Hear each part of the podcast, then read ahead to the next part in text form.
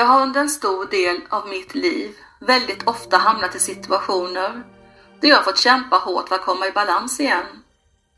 Det har varit både känslomässiga men även fysiskt svåra situationer. Jag har dessvärre alldeles för ofta känt mig som ett offer för omständigheterna. Och jag har förbannat omständigheterna för att de tvingar på mig dessa upplevelser av samma sort om och om igen. Idag vet jag att allt utanför mig är en spegling av det jag själv sänder ut eller det jag själv behöver arbeta med för att läka något inom mig. För några dagar sedan så fick jag mitt själskontrakt från Carola. Wow, säger jag. Vilka träffsäkra, tydliga och bekräftande saker jag fann där. Inte minst i det Carola fick fram av mina fyra karmiska skulder. De som jag kommit hit för att arbeta med i den här inkarnationen. De skapade så mycket begriplighet för mig att jag faktiskt började skratta när igenkänningen var stor med allt som faktiskt hänt mig i mitt liv. De senaste åren så har jag jobbat hårt för att befria mig från gammal karma då jag inte har någon lust alls att gå ner ännu en gång och ta tag i samma gamla karmiska surdegar. Så när jag nu har mina karmiska skulder så klart och tydligt nedtecknade så hjälper det mig så otroligt mycket att fortsätta arbetet med att lyfta av det som varit känslomässiga och mentala blockeringar. Blockeringar som endast tjänat ett bibehållande av gammal karma. Jag vet att eh, alla tunga saker som hänt mig under mitt liv, det är ett lärande för min själs växande. Så när jag tidigare har spottat i nävarna och jobbat stenhårt för att upplösa gammal karma, så känner jag nu, när jag ser hela mitt själskontrakt, att jag mer vill omfamna lärandet från livet och kärleksfullt läka ut det som inte längre tjänar mig. Att arbeta med sina karmiska skulder behöver inte bara vara ett hårt och svårt jobb. Det är en otroligt spännande resa mot min själsliga och mänskliga befrielse. Och jag vet att det är vägen jag måste gå för att finna min inre frid. Så själskontraktet bekräftar mycket som jag länge känt och det pekar ut den fortsatta riktningen för mig. Det ger mig ett stöd, ett gott stöd i att tänka och agera på rätt saker och på rätt sätt i framtida situationer. Mitt själskontrakt kommer jag att återvända till med stor regelbundenhet framöver. Så tack Carola för det enastående jobb du har gjort för mig här. Du är guld värd.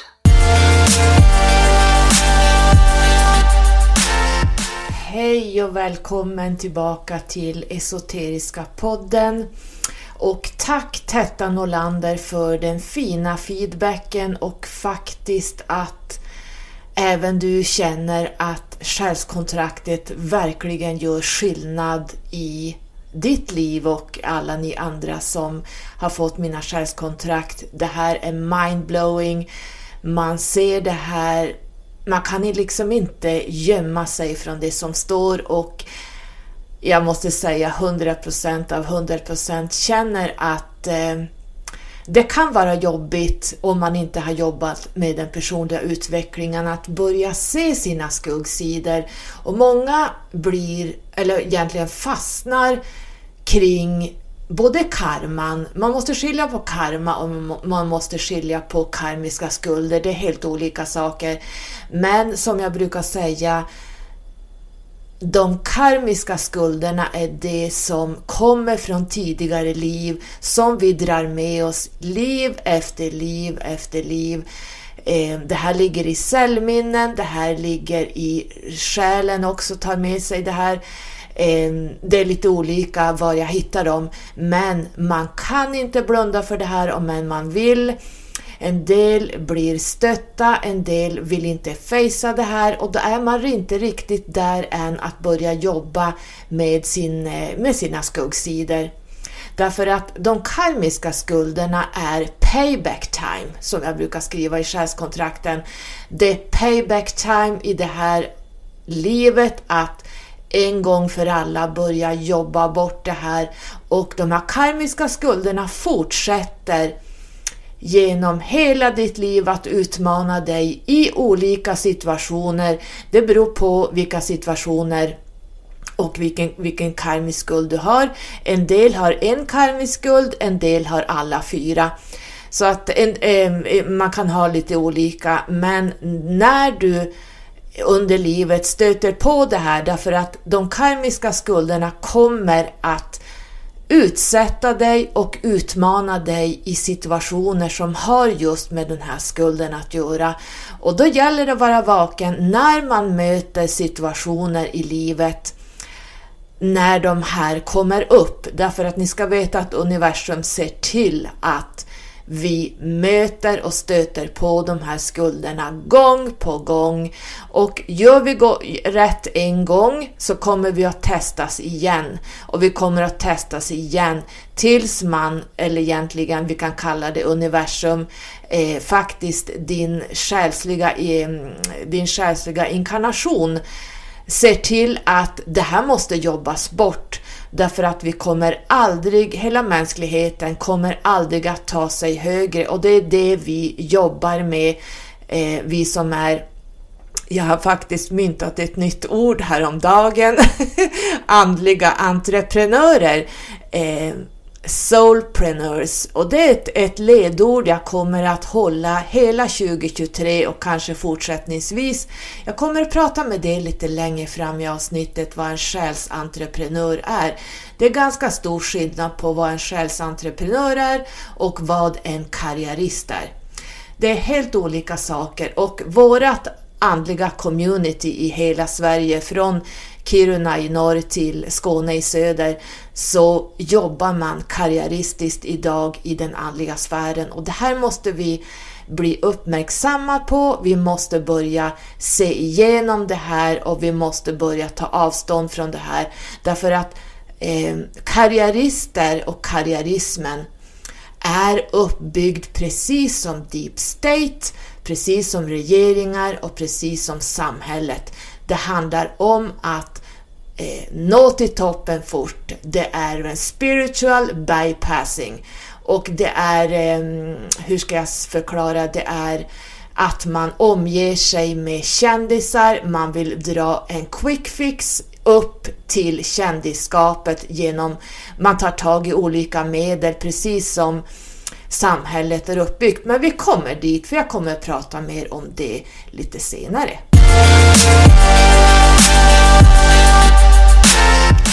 Det har varit en lång poddpaus och det beror på väldigt mycket saker. Eh, dels för att vi är i ett kollektivt sjuår och jag är inne själv i ett personligt sjuår. Eh, jag har tre sjuor i mitt själskontrakt, så vi har fem sjuor som omger mig, både runt omkring mig och inuti mig. Så att det har varit väldigt sjuigt i mitt liv. Ehm, det här är ju när jag är i mitt esse. I fjol hade vi ju då ett universellt eh, kollektivt år kan man väl säga, eh, ett sexår som handlade mycket, eller det handlar egentligen bara om sexan som sådan, jag kommer att prata mer om den, men det handlade väldigt mycket om att ta ansvar, eh, att vara omvårdnande bland annat. Och eh, jag känner att jag längtar till vi går in, vi är nu kollektivt i ett sjuår då vi pratar mycket om mentalismen, vi pratar mycket kring andligheten och vi pratar mycket om att eh, faktiskt separera sig från det kollektiva lite grann och eh, jobba mer med oss själva. Jag har pratat om det här tidigare. Så 2023 har vi ett eh, kollektivt sjuår. Eh, 2022 var ju då ett sexår som handlade om ansvar. Och tog vi ansvar för allt som basunerades ut i det här sexåret? Nej, det var ingen som tog ansvar för det här året. Allt som basunerades ut, mm, jag blir ju censurerad om jag säger vissa ord, men jag vet vad som har rullats ut under eh, det här sexåret eh, i formen av propaganda och en massa lögner från Deep State. Så jag tänker inte gå in på det. Men här hade vi ett personligt ansvar att både själv ta ansvar för vad man tar till sig, vad som händer där utanför och vi hade även ett ansvar eh, både kollektivt för andra att eh, få dem att inse en massa saker men även eh, själv så att säga. Nu är vi 2024 inne i ett sju år eh, 2025 blir det ett åtta år, 2026 blir det ett nio år och det här kommer bli ett väldigt jobbigt kollektivt år. Sen eh, 2027 blir det då, då går vi in i ett ett år. Eh, 28 är två år och 2029, om jag nu inte räknar fel, då går vi in i ett kreativt tre år. Och det är ju någonting som jag verkligen längtar efter. Nu ska man veta att de kollektiva universella åren är som en stor bubbla som omger hela vårt eh, solsystem ska man kunna säga. Eh, så vi påverkas, det är som en yttre bubbla och sen har vi eh, de astrologiska händelserna som händer under det här kollektiva året. Sen kommer the big impact och det är de personliga numerologiska åren. Det är här det händer grejer. Och då ska ni veta att jag följer ju det kollektiva året ganska väl eftersom jag är född i slutet av december så det skiljer en vecka innan jag eh, byter år tills vi byter kollektivt år så det är en veckas eh, diff där. men, men ni får ursäkta min hals, jag är väldigt dålig i min hals och har varit eh, ett bra tag så att jag kommer att vara lite rosslig. Jag vill bara säga det om jag harklar och kraxar mycket här så beror det på att min hals inte är okej. Okay. Eller hela min matstrupe egentligen. Men hur som helst så... Förlåt. eh, nu tappar jag tråden bara därför. Jo, eh, när, vi går, när, jag då, eh, när vi går in i, vad sa jag 2029? Skitsamma vilket år det blir. Så går vi in i ett kollektivt treår och då går jag också en vecka före det så går jag också in i mitt treår personliga och ni förstår vilken kreativitet det kommer att bli kring mig då. Alltså här kommer det att födas en massa saker som jag har planerat i många år att jag ska göra. Tror jag. Nu är jag ju väldigt kreativ i mig själv. Jag är ju grafiker i botten och jag eh, illustrerar och jag skriver texter, jag pratar och det här beror också på att jag har två treor uppe på livsvägen. Jag är en master 33. Så där har vi en trea och en trea som också i sig eh, ger väldigt mycket kreativitet. Så tänk er då när vi har ett kollektivt treår eh, av kreativitet eh, att stå på stora scenen. Det blir lite lejon ascendent eh, tema, inte riktigt, men lite grann Eh, så eh, lejonet gillar ju att skina och synas. Jag har ju en lejonascendent, jag är ju ett lejon. Så att eh, eh, det, det, här kollektiva treåret och mitt personliga treår tillsammans med min master 33, förstår ni vilken kreativitet? Wow! Men sen har jag ju då sexan under som bara är ansvar, ansvar, ansvar, en omvårdnande moder, Ja, ni vet, nu ska inte jag sitta och dra sexan här, men eh, det är hela tiden en balansgång för Master 33 sexan att fokusera rätt hela tiden och Master 33 är ju the, the teacher, alltså det är ju the spiritual teacher om man säger engelska. Den andliga läraren är Master 33 och det är eh, en inkarnation som man gör man behöver inte gå ner mer om man inte vill egentligen. Det behöver man ju inte efter ett nio liv.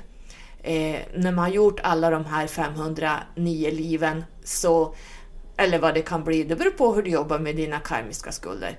Eh, men när nio livet är klart, då kan du gå ner som en lärare. Antingen som en testinkarnation som Master 11 eller som en byggande Master 22 eller en eh, andlig lärare som Master 23, nej 33 är. Jag förstår inte varför jag säger 23. Jag tror jag har sagt det några gånger i podden att jag säger Master 23. Men eh, Master 33 är ju en andlig lärare och the, the healer brukar man säga. Och ni vet ju vad jag jobbar med. Det, det är så klockrent det här att man följer livsvägen. Eh, så att man skulle kunna säga då så här att Numerologin fungerar som så att vi har ett kollektivt år som är som en bubbla runt hela våran atmosfär ska vi kunna säga. Och sen har man de personliga åren som är väldigt personligt impact och det här kommer du att känna av väldigt starkt eh, under ett personligt år. Det vill låta säga att du har en en, eh, hur ska jag säga, att du har en sjua i ditt själskontrakt eller flera. Den här sjuan som du har i ditt själskontrakt, den jobbar långsamt genom livet. Men i ett personligt sjuår, då är det under ett helt år så liksom lyfts du upp i sjuan hela tiden. Hela temat i ditt liv handlar om sju energierna. Sen eh, har du då vi har det kollektiva eh, året, vi har det personliga året. Sen har vi de personliga månaderna. Det här är ännu mer impact. Och jag har börjat med en ny tjänst. Om ni, inte har, om ni har missat det eh, så finns det på min hemsida och det är ett gäng människor som har börjat eh, boka in sig på personliga månader därför att då blir det ännu mer intensivt. Låt oss då säga, vi håller oss till sjuan, att eh, du får en sju månad. Och den här sju månaden kommer att tvinga in dig i sjuan. Det blir så intensivt att det går inte göra och tänka någonting annat. Och sen har vi förutom det personlig eh, månad så har vi förstås personliga numerologiska dagar. Men vi har då också eh, vägledningar som kommer ner i formen av nummer. Vi ser sjuor överallt. Vi ser treor överallt. Vi ser ettor överallt som förföljer oss hela tiden. Och det här är vägledningar till dig in the moment. Just här och nu. Jag pratade om det här tidigare. Eller det kan röra sig om ett spann på några minuter Eh, så kommer de här numren som du ser hela tiden eh, just nu i den här situationen så är det en sjua eller det är en trea som kommer in eller så är det dubbla nummer eller så trippla nummer eller fyrnummer som kommer in och det här är jätteavancerat. Det här är ingenting man kan googla upp. Det här är en numerolog som måste räkna ut. Så att jag får eh, varje vecka får jag både mail och folk skriver på Instagram när de får de här numren som jagar dem och vill ha en vägledning till det. Och jag är ledsen, jag har sagt det här tidigare, att jag har inte den tiden att sitta och skriva vad det här numret betyder för dig. För det finns inte bara tre ord för en sån här enorm vägledning som kommer ner och som jagar dig. Jag har pratat om det här i ett tidigare avsnitt, att det här kräver många sidor att skriva ner vad 333 betyder, eller 777, eller eh, 1212, eller 1414, 1444, whatever. Det här, det här är ett sånt enormt arbete att dechiffrera, heter det så? Dechiffrera, jag vet inte vad det heter, när man eh, kodar av alltihop. Det här är en avkodning som är jätteavancerad. Så därför ska man inte sitta och googla på angel numbers. Ni vet, det finns inga änglar och eh, det som står på nätet är helt felaktigt. Alltså jag blir så triggad när jag ser sånt här så att jag, jag går i tusen atomer. Och folk tror, folk hamnar ju då på fel vägar när man tror att jaha, eh, 1414 betyder det här. Och så är det helt felaktigt. Så att eh, det vill jag också säga att ni, jag vill inte att ni skickar en massa mail och eh, frågor på Instagram, direktmeddelanden och frågar vad är det här för någonting? Nu eh, har jag sett det här på en bil, nu har jag in i ett hotellrum, nu är jag som det står, eh, jag är på hotellrum 333 eller 3333 eller 14, whatever. Jag, har inte, jag kan inte sitta och ge dig ett snabbt svar, därför att det beror på situationen du är inne i. Du är på vägen och ser en nummerplåt. Det är en händelse. Du är i ett hotellrum som har en viss siffra. Ja, det är också väldigt specifikt. Så att ni förstår, det går. Jag kan inte sitta och göra det här. Framförallt inte gratis och framförallt, det är för mycket jobb helt enkelt. Ehm, så att jag vill att ni går tillbaka och lyssnar på det avsnittet när jag pratar om det här kring numerologi. Jag minns inte vad jag döpte det avsnittet till, men det handlar om numerologi, ehm, snabbkurs eller något sånt tror jag jag döpte det till, så lyssna gärna där. Så snälla ni, skicka inte det här till mig därför att jag kan, jag varken har tid eller det finns inga lätta svar på de här numren som är jätteimpact som kommer och eh, vill vägleda dig in the moment. Eh, då får du beställa en tjänst av mig där jag i lugn och ro kan sitta och koda av vad det här betyder för dig. Och då vill jag veta var du är, vilken situation du är i, när du ser de här numren och så vidare. Det blir någonting helt annat och det kan bli några sidor text. Så ni förstår, det, det är liksom inte bara att, att eh, eh det här är seriösa saker, det här handlar om eh, vägledningar i ditt liv som faktiskt kan hjälpa dig i in the moment att Passa dig för det här. Nu kommer det kanske någonting som du inte ska göra. Eller så är det handla nu, sen när det är för sent. Det är bara två, två saker jag tar lite snabbt här. Så det här kan vara avgörande eh, vägledningar som kommer in the moment som faktiskt kan både skälpa och hjälpa dig och det här får en påverkan i ditt liv här nere så att eh, jag ska inte bli så randig kring det här. Men jag har en ny tjänst där jag säljer och räknar ut den personliga månaden du har i ditt personliga år. Så i ditt personliga år, jag må, egentligen är det bäst att man har ett personligt år av mig, jag säljer ju dem. De är väldigt uppskattade, vad som händer hela det här året, vad det är för tema. Ehm, och i det här personliga året kommer då personliga månader som är direkt underställda det personliga året. Och det här får en ännu mer snabb impact i ditt liv. Så att ni kan gå in på letskyrocket.se och beställa de personliga månaderna som många redan har börjat med och det tycker jag är jättekul. Så i stora drag skulle man kunna säga hur Numerologin funkar. Den är kollektiv universell och den här märker vi inte av så mycket. Den ligger och trycker på lite grann. Eh, vi ser den mest kollektivt. Sen kommer de personliga åren.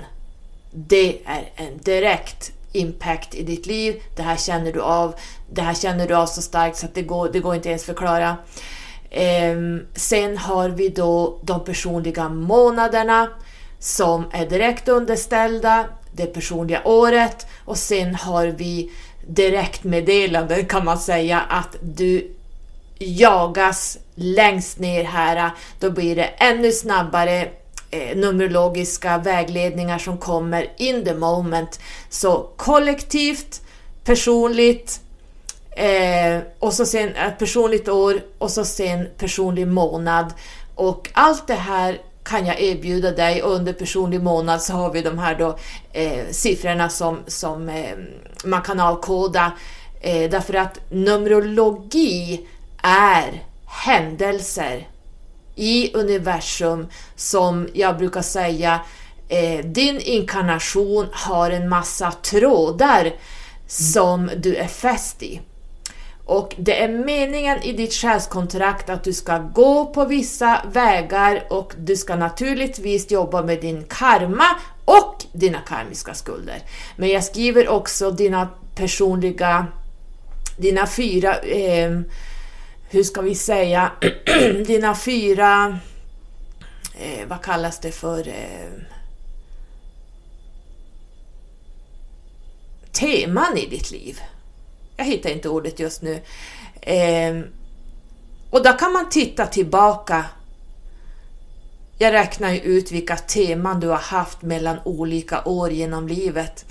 Och när man tittar bak på sina, sin, sina första levnadsår fram till kanske 30, 0 till 30 år eller 0 till 25 år, det är lite olika. Då kan man se, ja men herregud, det stämmer ju.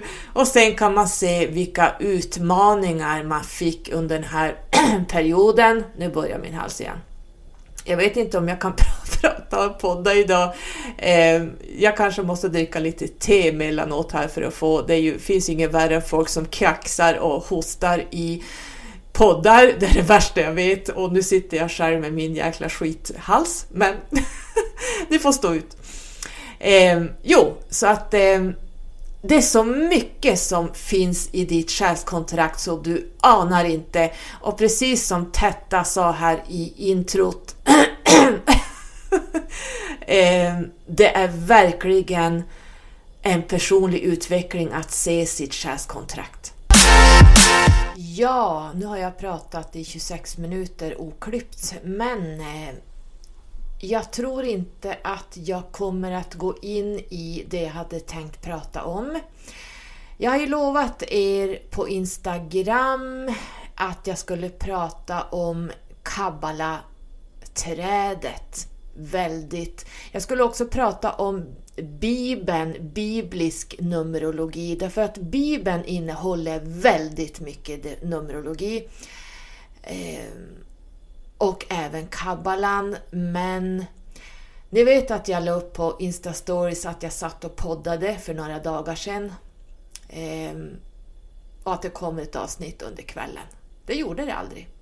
Därför att jag satt och skrev, vi ska se, jag har mitt block här. En, två, tre, fyra, fem, sex, sju, åtta, åtta A4 sidor har jag skrivit just kring Bibeln och Kabbalan. Och inser när klockan var kvart över fyra, då hade jag inte ens börjat podda än och jag inser att prata in ett avsnitt och klippa och lägga in musik och allt vad som krävs, det är sju, åtta timmar. Så jag skulle varit klar då vid midnatt någon gång och jag kände, nej, jag orkar inte det här.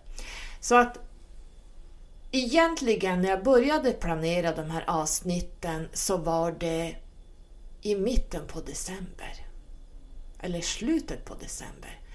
Och jag hade alla avsnitt klara eh, vad jag skulle prata om och jag kommer att prata om, om specifikt en sak som är väldigt viktig. Eh, den, den, är en astrologisk sak jag kommer att prata om och inom astrologin är jag väldigt fixerad vid två planeter. En är inte en planet, men vi kan kalla den för det, bara för att göra det enkelt. Och det är månen och det är Saturnus. De här två är de absolut viktigaste enligt mig som gör en stor impact i ditt liv. Men vi har också Venus jag kommer att prata om idag. Um, vad Venus gör med oss. Så att jag tänker att jag strukturerar om hela det här avsnittet. Jag hoppas inte att ni blir ledsna, men jag insåg det jag har skrivit ner här, allt det jag har studerat i alla år. Därför att Bibeln innehåller väldigt mycket information. Dels hebreisk information, man måste titta på den hebreiska bibeln som den var skriven från början. Och här hittar vi ju då, här kan jag se eh, de hebreiska bokstäverna som är, de ser ut som krumelurer, de ser ut som, eh, ja, jag vet inte vad vi ska kalla dem, det ser ut som symboler. Och de måste man översätta från ljudet för de här eh, symbolerna kommer från ljudet och det är väldigt avancerat det här. Eh, så att om man ska lära sig Bibeln så måste man läsa den på hebreiska och förstå eh, alla de här hebreiska symbolerna. Det är de jag jobbar efter när jag skriver själskontrakt bland annat. Och eh, här har vi kärnan till allting. Så att och så sen då kristendomen vet ni, det är bara bullshit. Däremot, Bibeln innehåller väldigt mycket numerologi. Och här gäller det också att avkoda allting vad det egentligen står för. Så att jag insåg att det jag har suttit och skrivit ner kring Bibeln och skapelseprocessen rent bibliskt och avkoda allt det här. När klockan var kvart över fyra så tänkte jag ingen som lyssnar kommer att förstå ett jota av detta. Så jag insåg, nej, nu har jag suttit här, jag vet inte hur många timmar och skrivit, sida upp, sida ner och tänkt till, ni vet, nu har jag fem sjuor med mig här det här året så att nu är det, nu är det, nu är jag helt, eh, nu är det liksom IQ, det högsta nivån. Men jag insåg att ingen av er kommer att förstå någonting av det här. Ni kommer inte fatta ett skit för att om man ska förstå det här, då måste man kunna kabbalan, man måste kunna det hebreiska språket, man måste kunna numerologin på sina fem fingrar. Och när man studerar till numerolog, då måste man kunna och hantera, nu ska vi se, vedisk numerologi, kaldeisk numerologi, pythagoreisk numerologi, kabbalistisk numerologi, babylonisk numerologi. Har jag missat någon? Det har jag säkert gjort. Men det här måste man studera i många år och man måste titta vad som håller och vad som inte håller. Den kaldeiska numerologin håller inte hela vägen eh, för den kommer från den vediska eh, därför att där finns det ingen nia med och det går inte, den, den funkar inte eh, hela vägen. Så att eh, man kan använda den kaldeiska numerologin i vissa saker och det gör jag i era själskontrakt. Det beror på, det är ju det här som är specialiteten, att jag kan ratta runt och se vad vill jag plocka fram. Vad vill jag se? Ännu djupare, ännu djupare. Det finns olika lager och det är det här jag plockar fram i era själskontrakt. Ehm, men jag använder väldigt mycket kabbalans numerologi som kommer från de hebreiska symbolerna som kommer från ljudet, eh, time och space. Och här kan du också hitta era eh, själsliga inkarnationer sedan tidigare. Jag kan se cellminnen. Eh, så att det här är väldigt avancerat, så det är därför man inte kan sitta och googla på angel numbers, därför att angel numbers eh, det är bullshit. Numerologi är inte änglar. Det ska ni ha jäkligt klart för er. Så att nu är det dags under det här kollektiva sjuåret att ni börjar steppa upp mentalt, att ni börjar gå in i den här sjuan. Tänk på att det sjunde chakrat är kronchakrat. De sju grundchakrarna, vi har ju fler chakran, men det sitter i huvudet där vi öppnar upp, för är det stängt, då kan vi aldrig nå ut andligt eller mentalt så att säga. Och mentalt, universum är mentalt. Lyssna på det förra avsnittet när jag pratar om mentalismen. Gud, källan, är mental. Här finns allt vi behöver veta. Så att tar vi oss inte ur det sjunde chakrat, då får vi ingen högre information. Så att man skulle kunna säga att det sjunde chakrat är öppningen uppåt och det är det här ni ska fokusera på det här året. Det är att de tre första chakrarna är den lägre människan. Och det är här kollektivet jobbar as we speak. De fyra övre chakrarna börjar vi avancera upp i våran andliga och, och eh, själsliga och även mentala utveckling. Och de här tre går hand i hand och det ligger fyra faser så att vi kan liksom inte eh, gå ut via hjärtat och göra en massa saker. Du tar det ingenstans för hjärtat har en lägre nivå än vad sjunde chakrat har, det vill säga mentalismen. Mentalismen är källan universum, Gud om man så vill. Så att det sjunde chakrat måste öppnas och vi har ett kollektivt sjuår. Du eh, har dina personliga år som du kanske inte känner av den här kollektiva sjuan så mycket. Men jag gör det i och med att jag har, eh, vi har både en kollektiv sjua, jag är i mitt sju, sju personliga år och jag har tre sjuor i mitt själskontrakt. Så att det här är min hemmaenergi. Så att eh, det ska ni jobba med i år, att verkligen jobba med den här sjuan på olika nivåer. Och man ska inte tro att den kollektiva sjuan är samma som det personliga årets sjua som är, är likadan som sjuorna du har i ditt själskontrakt eller som en sjua som dyker upp som nummer som du ser överallt. Det är helt olika vägledningar och helt olika betydelser och helt olika nivåer och helt olika dimensioner. Så att nu har jag tjatat väldigt mycket om det och det blir tyvärr inget avsnitt som jag hade tänkt från början. Däremot kommer jag prata om andra saker, bland annat om Saturnus som är väldigt, väldigt, väldigt viktiga att veta. Och jag tror inte det finns en astrolog i Sverige i alla fall, och säkert inte utomlands heller, som pratar om Saturnus som jag känner honom därför att jag är en solstenbock och är styrd av Saturnus. Sen har jag Vattumannen på min descendent, det vill säga rakt över från ascendenten. Där har jag Vattumannen och den är väldigt stark. Och Vattumannen styrs också av Saturnus, så jag har honom på två ställen där.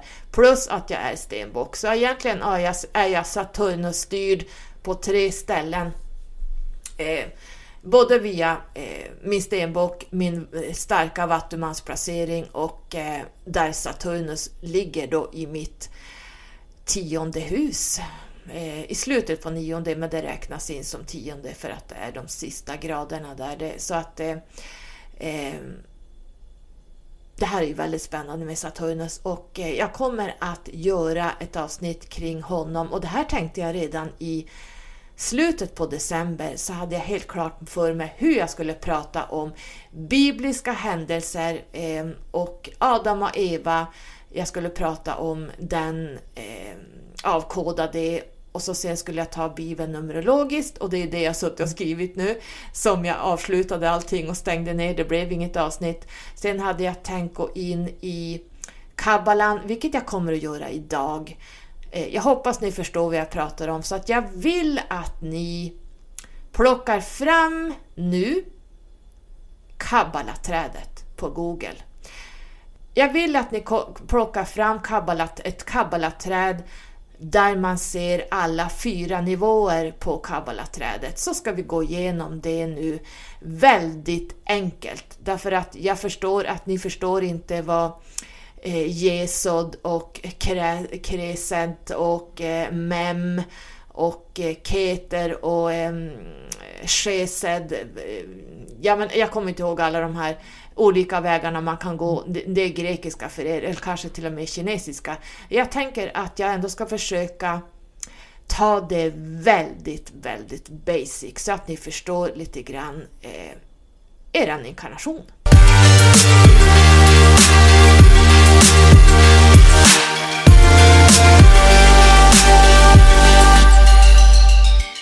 Har ni ett kabbalaträd framför er. Eh, jag tror att jag kommer lägga upp det på Instagram kring det här avsnittet också så ni kanske kan använda det kabbalaträd jag lägger upp som passar för er att titta på. Så att vi har ett kabbalaträd som visar egentligen människan. Men det här är också olika nivåer på dimensioner skulle man kunna säga väldigt enkelt. Så att den lägsta nivån heter ASIA. Och det är det fysiska planet. Och det, det är liksom body och birth. Alltså kroppen och födelsen har vi eh, längst ner ASIA och det är ett H. Men vi kan säga då att ASIA är body det är kroppen och det är födelsen. Nästa nivå är jetsia och det är själsnivån och det är ett V. Här pratar man på engelska om soul och incubation brukar man säga. Jag går inte in på det här alldeles för djupt utan nu drar vi bara de fyra nivåerna. Den tredje högsta upp, alltså nerifrån och upp, den tredje nivån är också ett H som heter Bria. Och det här är mindet. Och här pratar man också om the plant seed. Vi har också Atsilut som är högst upp och det är ett I. Och det här har vi spirit. Och här kommer idé. Spirit, anden och idé. Jag använder engelska fraser för att det, det känns som att det är mer power bakom engelska fraser. Jag har skrivit ner på engelska, oftast när jag skriver texter som jag ska prata om. Det är inte ofta jag skriver, jag kan skriva stödord. Jag tycker inte om att sitta och läsa till. det finns ingen värre att lyssna på folk som sitter och läser. Eh, men eh, ibland måste man göra det. Men hur som helst så, då skriver jag alltid på engelska. Visst är det konstigt? Det kommer in engelska ord hela tiden och när jag går ur mitt kronchakra och är inne i mindet, mentalismen och eh, kopplar upp mig på källan, då kommer det bara engelska fraser. Visst är det lustigt, jag vet inte varför det är så, är det så för er också, men jag, jag både tänker helt på engelska när jag går utanför kroppen, det är bara engelska. Så att eh, jag, jag kan inte förklara varför det är så, men därför kommer det väldigt, tyvärr, väldigt mycket engelska ord, för att vi börjar bli lite svengelska här i Sverige. Det är på gott och ont. Eh, jag försöker att hålla kvar så mycket svenska ord som det går. Jag säger ju till exempel anden istället för spirit eller spiritualitet tror jag man säger många idag, speciellt de yngre. Spiritualitet, vad är det för någonting? Jo, det är ett, ett engelskt ord man har gjort, det är svengelska. Men när vi har ett perfekt ord för anden så säger vi ande, då vet vi vad vi pratar om. Annars kan man säga spirit, men det finns också ett eh, spiritualismen spiritismen. Och många blandar ihop spiritualismen med spiritualitet. Så där gäller det också att eh, prata väldigt korrekt så att man inte blandar ihop det här. För spiritualitet är bara fjärde dimensionen. Eh, spiritismen och de jobbar också väldigt med sju läror. Eh, de jobbar väldigt kristet, bibliskt, jag vet inte hur jag ska förklara det, men det är ingenting jag pysslar med, det är för låg nivå. Så det här kabbalaträdet innehåller tre pelare, ser ni det? En på vänster sida, en på mitten och en på höger sida. Och det har stor betydelse var man hamnar och jobbar ifrån i de här pelarna. Eh, de här pelarna syns också i tarotleken eh, som Pamela Coleman Smith och eh, A.E. Eh, Waite har ju heter ju självaste tarotleken. Um, ehm, Arthur Waite hette han väl, han som var mystiker eh, som skrev den här och Pamela Coleman Smith gjorde grafiken till A.E. Waits tarot, den mest sålda i hela världen. Eh, och där ser vi de här pelarna på, nu måste jag tänka snabbt, vi har översteprästinnan, vi har översteprästen, vi har de här pelarna på ganska många ställen som jag nu inte kommer ihåg för det är kort bara därför, men översteprästinnan. Och här sitter hon i mitten, hon är mittenpelaren. Och översteprästen är mittenpelaren. Och det man ska sträva efter i det här kabbalaträdet, det här är du. Så om du tänker att huvudet är Keter längst upp, eh, den översta ringen där, det är anden och så har du Malkut längst ner som är den fysiska världen och ett är Keter. Jag har skrivit om monaden i mitt där förra blogginlägg när jag pratade om mån, månen och eh, Monaden är en rund ring. Pythagoras ansåg egentligen inte att det fanns någon nolla och egentligen inte någon etta, utan han ansåg att monaden var ettan. Därför att runt den här monaden, det är en rund ring och så är det en prick i mitten. Det är monaden som vi ser den. Och om du tittar astrologiskt så ser vi solens symbol ser ut som en monad. Det är en rund ring med en prick i. Det här är starten. Så solen är starten. Och det finns bara ett stjärntecken som styrs av solen och det är min ascendent, den jag är. Om man tittar astrologiskt så är jag ett lejon. Det är det enda stjärntecknet som styrs av solen. Och eh, lejonet styrs då av monaden kan man säga. Men tittar vi mer esoteriskt, kabbalistiskt, numerologiskt så den här monaden är rund och pricken i mitten är ettan. Så ettan är i alltet. Och den här släpps ner i kabbalaträdet som en inkarnation genom time och space ner hit. Och då faller vi förbi eh, alla de här olika nivåerna. Att silot, som är spirit, där har vi tre stycken eh, en, en triangel längst, längst upp och så har vi då Bria som är mindet som kommer som tvåa. Så det, eh, mindet här kommer som tvåa, det är kabbalistiskt. Jag anser att mindet är överst i och med att vi vet att universum är ett mind. Sen har vi Yetzira som är själsnivån och den kommer väldigt långt ner i kabbalaträdet. Och så har vi Asia som är kroppen. Så hela det här Spirit, Mind och Soul, de här tre går tillsammans ner i en kropp när vi landar här på jorden och föds ut. Och längst upp har vi ju då kronan på verket, Keter, som är viljan. Det är elden. Anden är eld, så är det. Så att Keter är viljan. På vänster sida har vi en, en, en stapel som det står bett och sen hamnar vi i bina, där en trea, där har vi understanding, det vill säga förståelse. Och här sitter Saturnus. Förståelse. Nu är det här väldigt enkelt förklarat att Saturnus är förståelse, men Saturnus är det viktigaste i ditt horoskop och de viktigaste händelserna i ditt liv. Ehm, jag kommer prata mer om det när, vi, när jag går in på honom, men eh, Saturnus är karma. Saturnus och bina är förståelse, lärdomar, utveckling, att ta sig över hinder. Det är läxor, det är ansvar. Och på höger sida från Keter, viljan, så har vi Alep. Då går det ut en arm som går till Chokma. Här har vi tvåan och här har vi visdomen. Så för att ta sig upp till den här treenigheten längst upp i kabbalaträdet, då krävs det sin man kan jag säga. Här krävs det väldigt, väldigt mycket för att ta sig tillbaka till anden och det är det vi pysslar med hela livet här.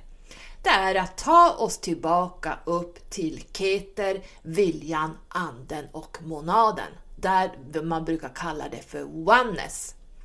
Därför att den här monaden, ringen, nollan omsluter den här individen, den här ettan som allt är ett i, i the beginning så att säga. Sen har vi eh, Chesed på höger sida som den andra runda ringen så att säga och det är nummer fyra, Mercy. Och sen rakt av över har vi Gebira, femman, som, som står för Severenty. Sen börjar vi hamna på själslig nivå. Eh, där har vi Victory, vi har Glory, vi har eh, Foundation och vi har längst ner Malkut 10, The Kingdom.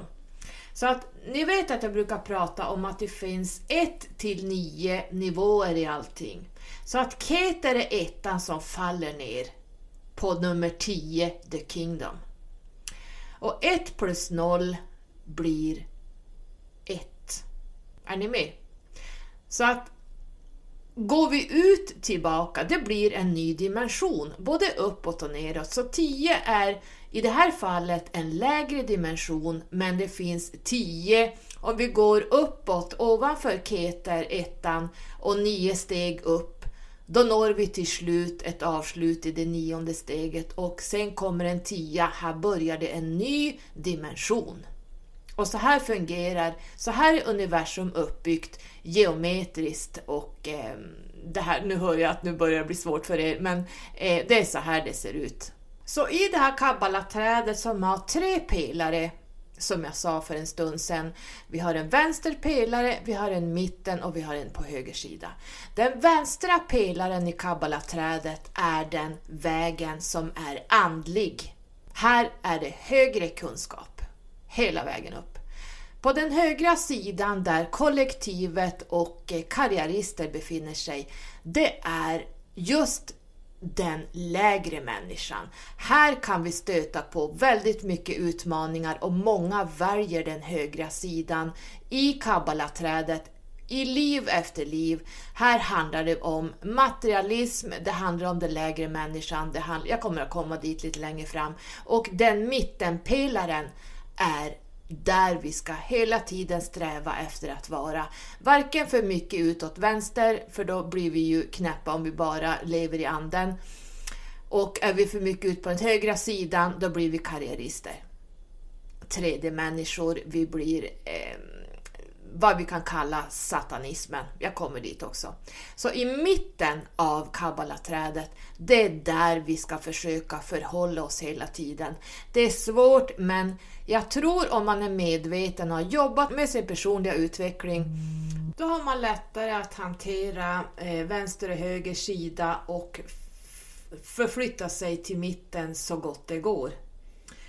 Eh, Ettan är alltid källan, Gud, universum och i Bibeln har vi Genesis som egentligen handlar om dig själv. The first emanation, det är ett utflöde. Allt var ju ett moderligt, om vi vet att eh, hur ska vi säga, universum är ju moderligt. Här har vi då nollan som omsluter den här ettan. Eh, så att eh, sen kom ju då Saturnus och kriget med titanerna började här. Jag kommer att prata om det här i, i andra avsnitt. Men First Emanation of Creation, som man skriver då i Bibeln, är ettan. Oneness som har med medvetenheten, consciousness, monaden att göra.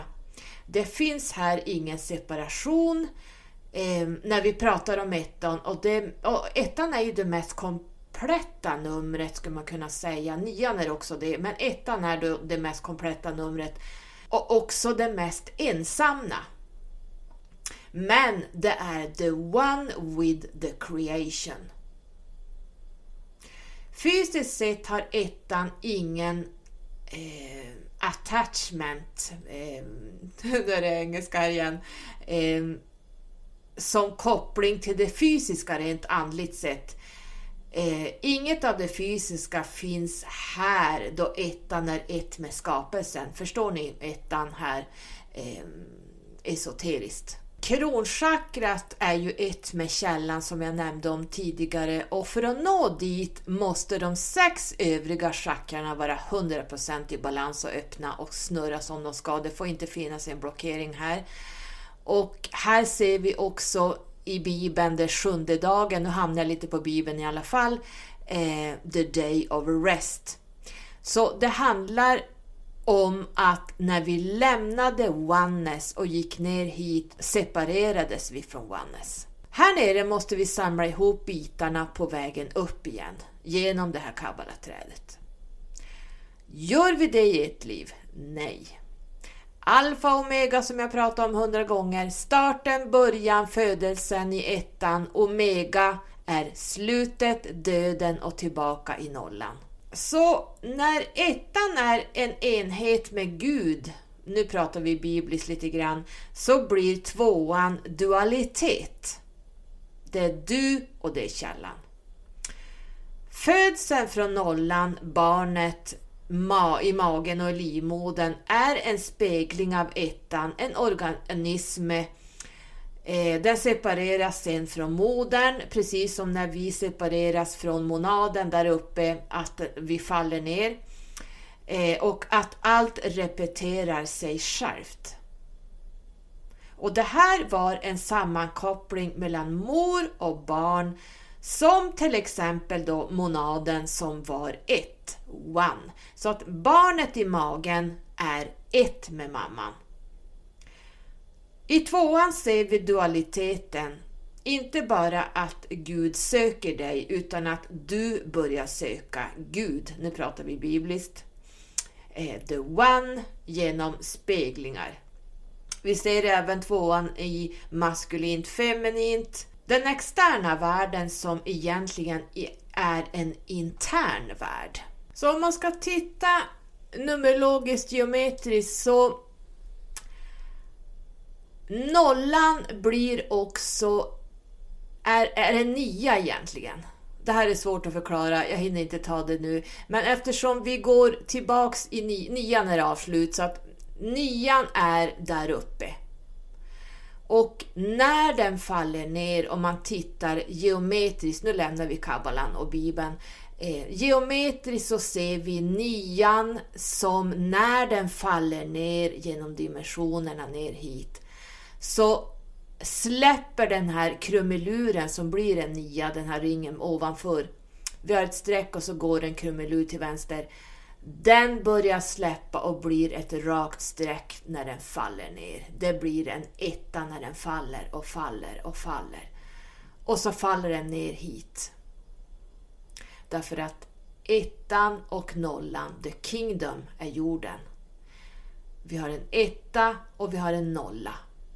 Nollan är då modern, Ouroboros, det är eh, den kosmiska modern har vi här nere som då är Gaia. Och ettan är ju när vi faller ner hit. Sen jobbar vi oss tillbaka uppåt mot Keter, anden igen. Det här har jag pratat om i jättemånga avsnitt, men vi tar det igen. Så om vi ska titta på sexan är väldigt potent. Sexan egentligen kan eh, ehm, kan du ha aktiverat, så sexa, sex chakrat kan du ha aktiverat och kontroll över, noja skulle jag vilja säga, eh, över de sex första chakrarna, men det är det sjunde chakrat som är mer som en antenn som aktiveras när de sex undre chakrarna är i balans utan spärrar och blockeringar. Och här kommer vi till 666, the number of the beast, som står i Bibeln. Men 6 här är egentligen space. Norr, söder, öst och väst. Above and below. Så utan sexan kan du inte definiera space. Du kan inte manifestera i eller tid eller processa genom evolutionen av medvetenhet, consciousness, utan sexan. Så att det är viktigt att första spacet eh, vi startade med, det vill säga ett, Gud, sen har vi tvåan, dualitet, vi har trean som är kreation och kreativitet. Vi har fyran som egentligen är de fyra elementen, här om vi pratar då bibliskt, Femman eh, ska vi lära oss att ta oss förbi de fyra elementen. Sexan lär vi oss om space, time consciousness och eh, time space consciousness of creation. Och det här är också kuben som har sex sidor om vi tittar på en kub. Här kommer sexan in. Eh, kuben har sex sidor. Det är the cube of life. Här har vi Saturnus. Här har vi begränsningar, vi har struggle, eh, att man kämpar på, vi har ansvaret eh, och varje sida på den här kuben har en utmaning och en lärdom. Pyramiderna är byggda av kuber som jobbar sig uppåt mot en punkt och det, den här pyramiden visar ju då att den startar med the foundation, sexan, en bas som reser sig upp mot spirit, alltså en, en byggande fyra som har fyra sidor längst ner och sen blir det en kub uppåt som har sex sidor och den jobbar sig upp sig mot spirit precis som i våra chakran. Och längst upp på pyramiden har vi en triangel och där kan man titta i kabbalaträdet. Där har vi eh, treenigheten. På den 3D fysiska världen är det då så lätt att dras neråt mot sensation, lust och begär.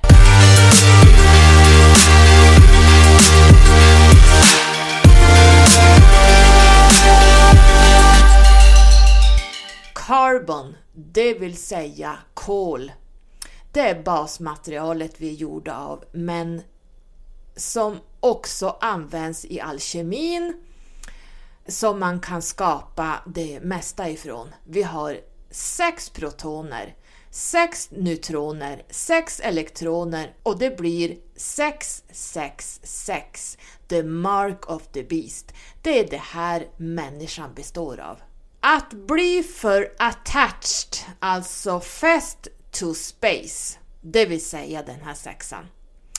Satanismen, de håller det här planet som det högsta.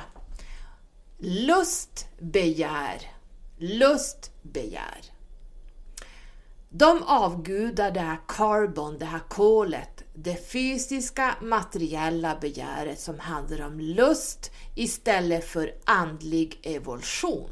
Så i kabbalaträdet så har vi olika planeter som är placerade i de här runda ringarna eh, i kabbalaträdet. Eh, längst ner har vi Gaia.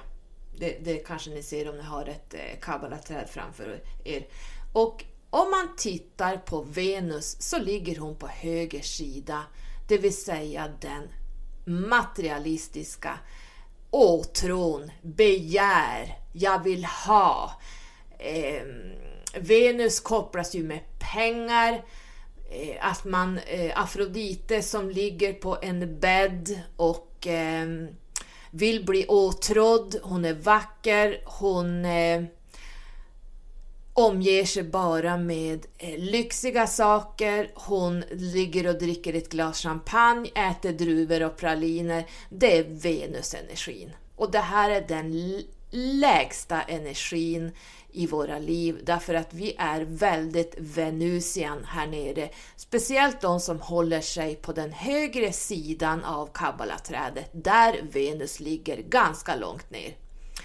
Så Venusstyrda människor kommer att dras till det här och här kommer den andliga entreprenören in.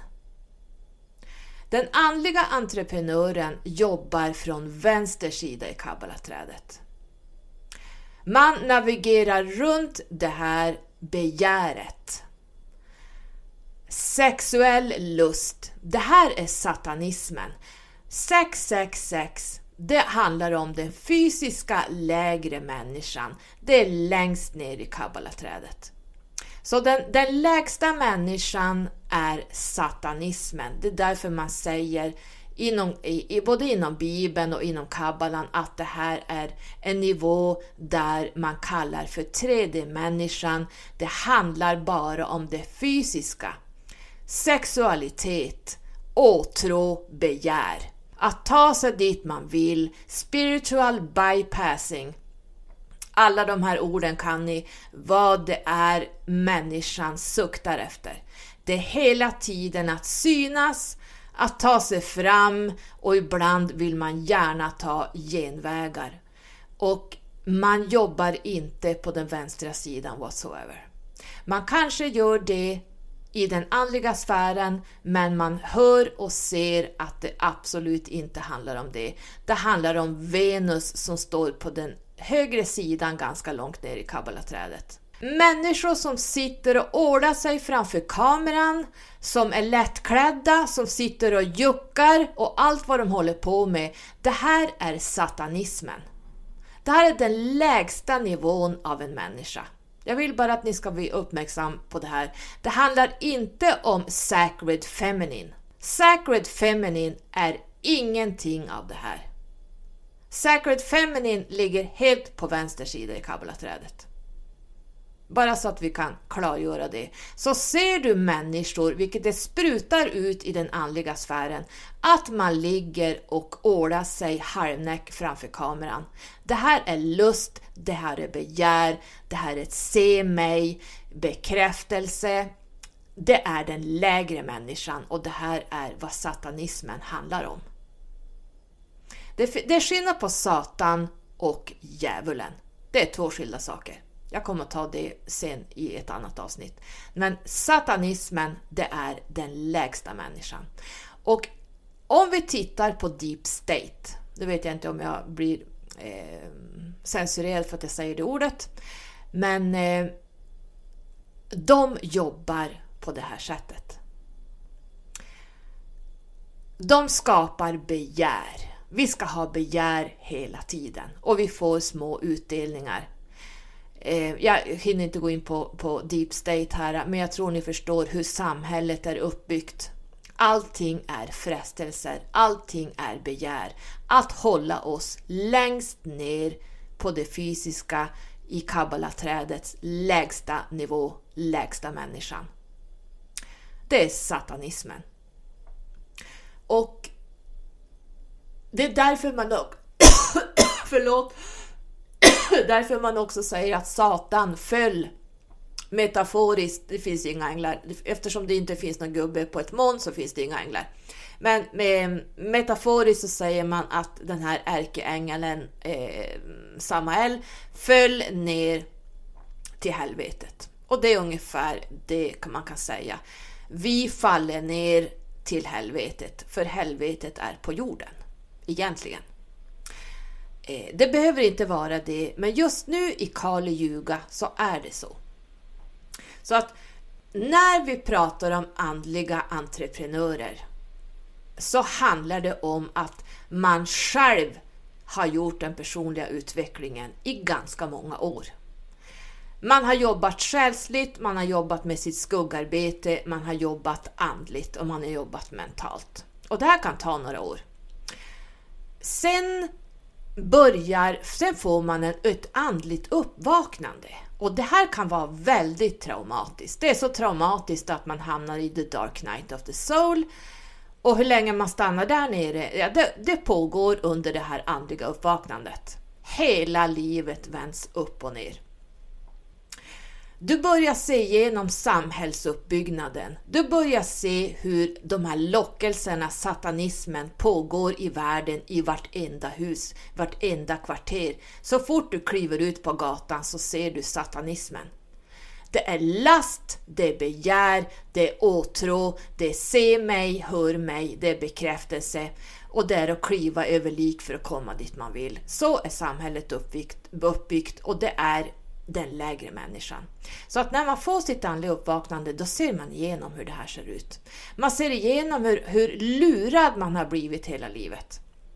Så att andliga entreprenörer, de jobbar själsligt, andligt och mentalt. De skriver sina egna texter, de gör sina egna videos, de skriver sina egna böcker och e-böcker, pdf-filer. De skriver sina egna kurser som man säljer.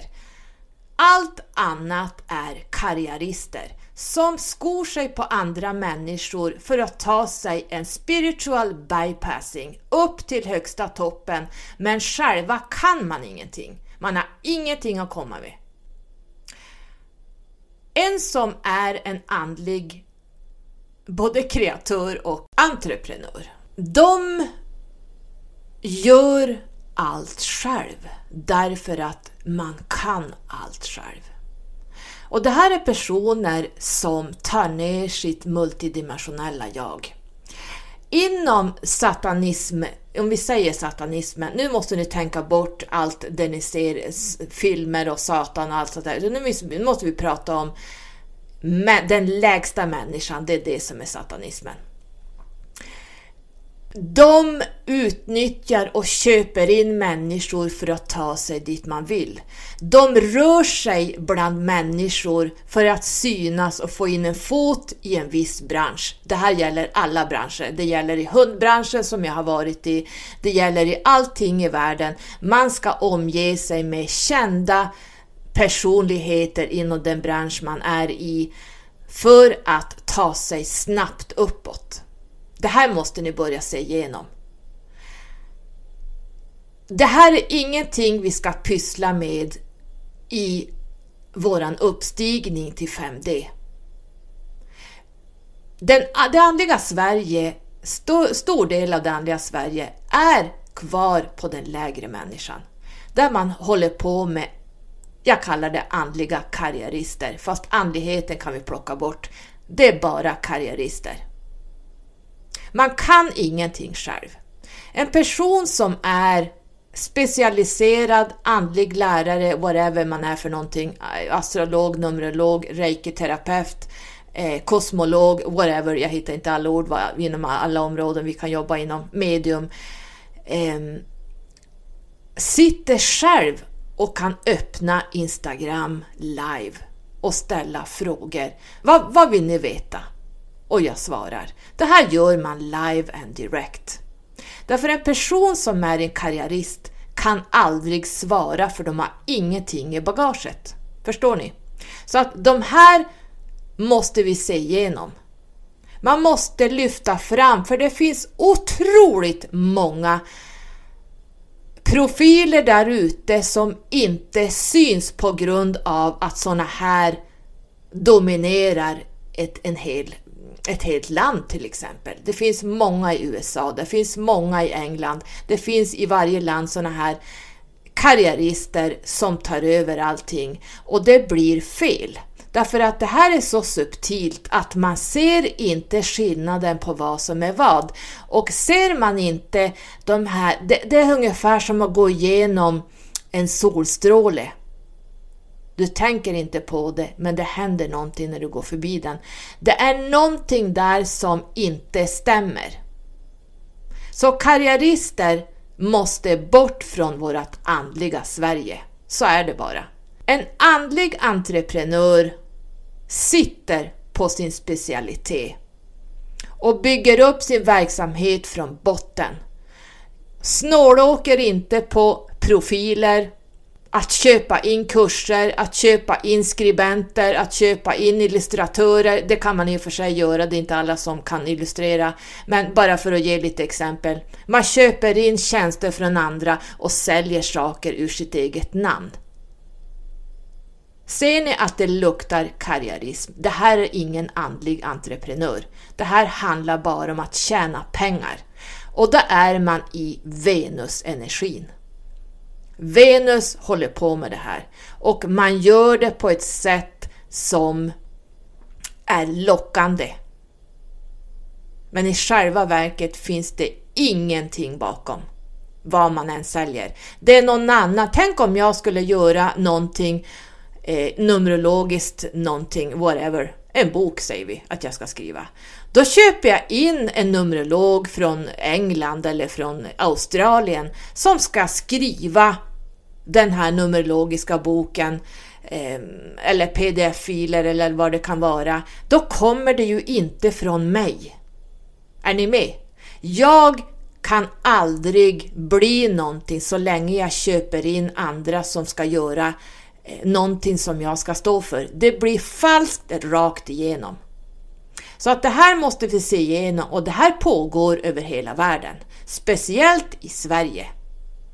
Så att en andlig entreprenör, det blir mitt ledord 2023. Det blir mina galaktiska systrars ledord 2023. En andlig entreprenör gör jobbet själv. Den personliga utvecklingen. Man är nere i Dark Night of the Soul. Man jobbar med det andliga, man jobbar med det mentala, man jobbar med medialiteten, mentala och man jobbar sig tills man är specialiserad på någonting som man kan på sina tre fingrar. Och sen ger man ut sina verk. Är ni med? Så att det här vill jag att ni ska bli... Dels så ska ni använda det sjunde chakrat. Om ni inte haft en kundaliniresning som jag så ska ni försöka dels få reiki och få era chakran balanserade och öppnade så, så, fort, så ofta som möjligt för att ni ska kunna möjligtvis öppna upp det sjunde chakrat. Det är inte alla som klarar det. Bara för att alla dina chakran snurrar efter ni har lämnat mig och är öppnade så krävs det ändå ett inre arbete att öppna upp det sjunde chakrat och även det tredje ögat. Det är inte gjort i en handvändning. Däremot är du i pelaren i mitten i kabbalaträdet när alla dina chakran är i balans. Då kan du navigera rätt mellan den vänstra och högra sidan i kabbalaträdet och inte hamna på felvägar och på för mycket på en sida, kanske på högersidan där det bara handlar om den lägre människan, karriäristen. Så att det är jätteviktigt att ni har era chakran i schack, det rimmade, och att ni håller er i mitten av kabbalaträdet. Det här är jätteviktigt. Att ni jobbar på att läka varje chakra, vad det står för. Det första chakrat handlar om trygghet, att ha mat på bordet, att ha pengar för, så att man klarar sig, att man har tak över huvudet, att man är trygg. Det är det första chakrat. Och är inte det balans, då kan du glömma att du tar dig upp till de övriga chakrarna. Du måste jobba med det första chakrat tills det är löst och balanserat. Då kan du jobba det upp mot sakralchakrat och högre och högre. Så de tre nedersta chakrarna är den lägre människan. Och det är här jag ser de flesta har obalanser. Det är fruktansvärt hur en del ser ut i sina chakrasystem. Ehm, och de tar sig förstås inte upp till hjärtat, hjärtchakrat. Det går inte. Man måste jobba. Om än de här är öppna och snurrar så måste man ändå jobba med det första chakrat, vad det står för. Du måste vara trygg i allting. Det är basen, det är rötterna, att du står stadigt på moder jord och att du är trygg, omhändertagen, att du har mat på bordet, tak över huvudet. Det är liksom det här, det är basic.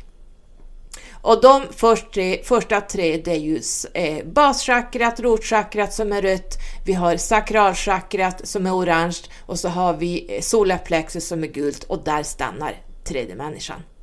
Man tar sig inte högre upp. Därför man har inte jobbat med den personliga ut utvecklingen, man har inte jobbat med sina skuggsidor.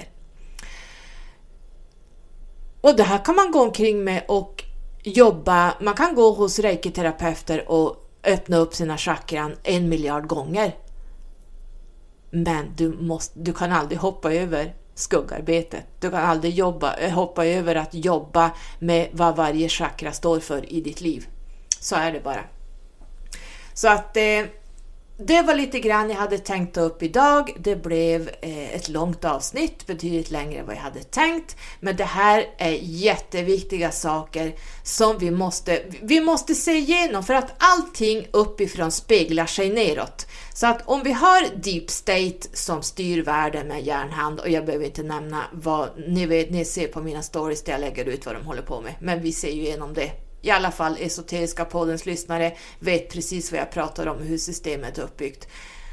Sen går det här ner på individnivå, där samhället och dess människor jobbar enligt de här principerna i sina privata liv. Man speglar det som, som är utåt. Hur är samhället uppbyggt? Ja, precis det jag pratat om nu. Men när man gör sin personliga utveckling och börjar se igenom det här och rör sig i mitten och tittar lite mer på vänster sida när man är i sitt andliga uppvaknande, då börjar man se igenom vart man ska och vad som är ärligt, vad som är rätt. Man sållar agnarna från vetet.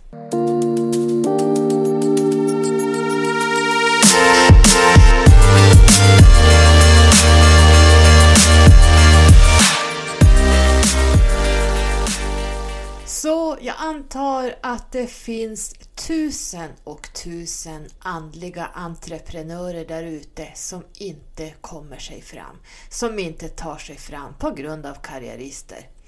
Men ge inte upp hoppet därför att quick fix håller inte, det här blir karma, det här kommer att rasa som ett korthus, det blir 16-7 kortet i tarot-tornet, det kommer att rasa, så är det bara. Allt som inte, tornet eh, i tarot rasar när du inte har byggt grunden på, om man säger, en, en bra foundation. Det är därför också det första chakrat är väldigt viktigt. Så att den som inte bygger ärligt, den som snålåker på andra, den som jobbar med quick fix och att göra sig karriär inom just den här branschen framförallt. Där kommer det rasa. Tro mig. Det kan ta ett tag, men allt som inte är byggt på din egen personliga utveckling, din själsliga utveckling, din andliga utveckling och hela den här processen som det faktiskt krävs för att bli en andlig entreprenör, det kommer att bli en 16-7. 16-7 är en skuld som heter Crash, Burn and Learn. Vi ser samma sak i tornet och det kommer att rasa. Så se till att du inte påverkas av sånt här i samhället när det gäller eh, bekräftelse, synas, höras, göra karriär, ta sig upp på toppen snabbt och röra sig med kändisar eller åtrå, eh, det handlar om begär. Vi ser också det här att man sitter och jag ska också vilja prata om alkohol. Det kanske jag ska göra ett annat eh, avsnitt. Jag dricker ju inte längre sedan två och ett halvt år tillbaka. Ingenting därför att jag vet vad det här, det här är ett begär.